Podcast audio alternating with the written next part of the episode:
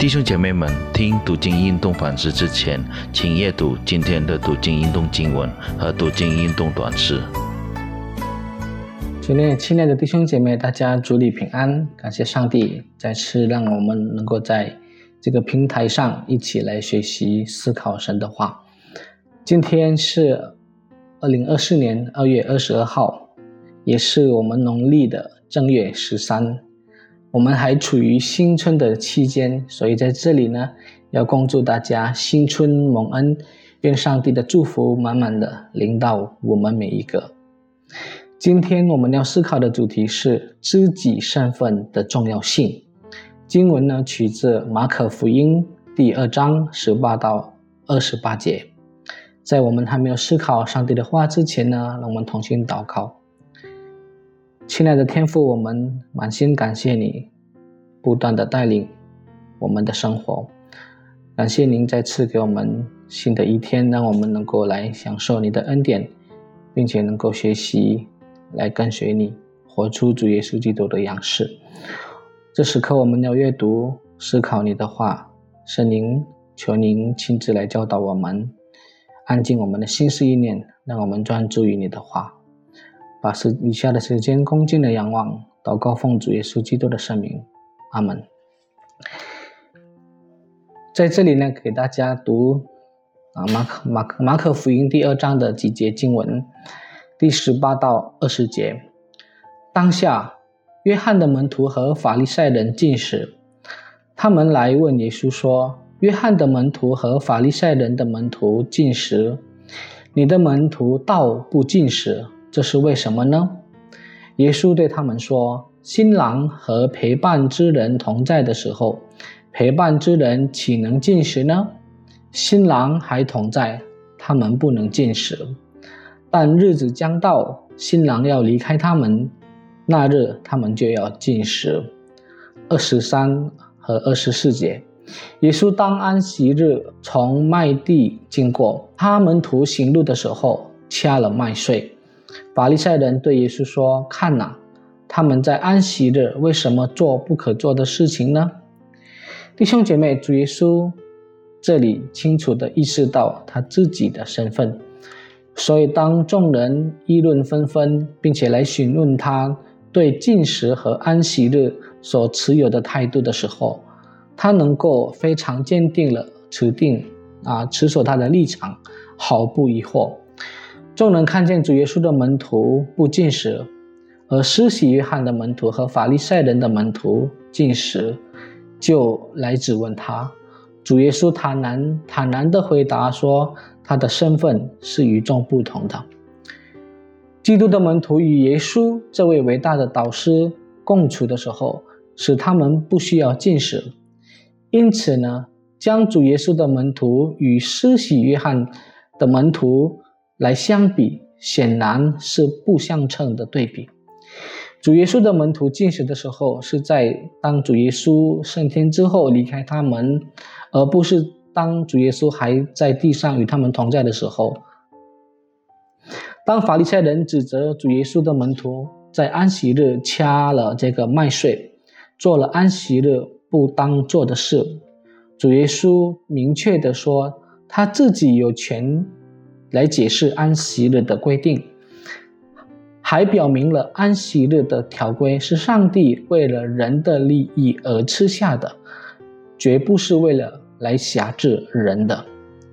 弟兄姐妹，我们这里从这两件事情可以看到，主耶稣他非常清楚，他意识到自己的身份，因此呢，他不会因别人的议论、质疑而改变他的态度。弟兄姐妹。我们作为基督徒，了解自己的身份也非常的重要。我们知道，一个属于上帝的子民，自从他信了主基督耶稣之后，就具备双重的身份，也就是地上的国民，也是天国的国民。一般来说，从我们这个居民证或者身份证就可以的的上面的数据呢，就可以证明。解释我们在地上国民是什么身份，但是天国的国民的身份必须呢通过探究写在圣经里的上帝的话语才能够获得或者明白了解到我们自己是属灵的身份。了解我们拥有的身份，会使我们了解到作为上帝的儿女所承受的产业还有使命。由于不知道自己是天国的国民，往往导致许多基督徒不能够履行应尽的责任，甚至呢活得像不信主的人一样。弟兄姐妹，我们必须理解并坚信，一旦相信了救赎我们的主耶稣基督作为救主之后，我们就被认定是上帝的儿女，并承受了圣经里所写的诸多的应许。这些应许呢，我们要知晓，并且要成为我们生活中的准则，对我们以致能够来带来啊生我们生命当中的影响。保罗在罗马书第十二章二节提醒我们说：“不要效法这个世界，只要心意更新而变化，叫你们查验何为上帝的善良、纯全、可喜悦的旨意。”他也在以弗所书的前三章的经文清楚的讲讲解讲述我们过去，也就是在信主之前和现在信主以后的不同身份。来到第四章呢，第一节以弗所书第四章第一节，他说：“我为主被求的劝你们，既然蒙召行事为人，就当与蒙召的恩相称。”弟兄姐妹明白了我们在基督里耶稣在基督耶稣里的身份之后，我们也必须活出主的样式，才能够撑得起我们是上帝的儿女。除此之外，我们必须勤读并热衷于学习思想主的话语。弟兄姐妹，您是否已经追求了解您在基督耶稣里的所具有的身份？您的生命是否符合您在基督耶稣里的身份？最后呢，我想借用两处的经文来彼彼此的提醒。第一段经文是哥林多后书第五章七到八节，保罗说：“若有人在基督里，他就是新造的人，旧事已过，都变成新的了。一切都是出于上帝，他借着主耶稣基督使我们与他和好，又将劝人与他和好的职分赐给我们。”第二段经文是彼得前书第二章第九节，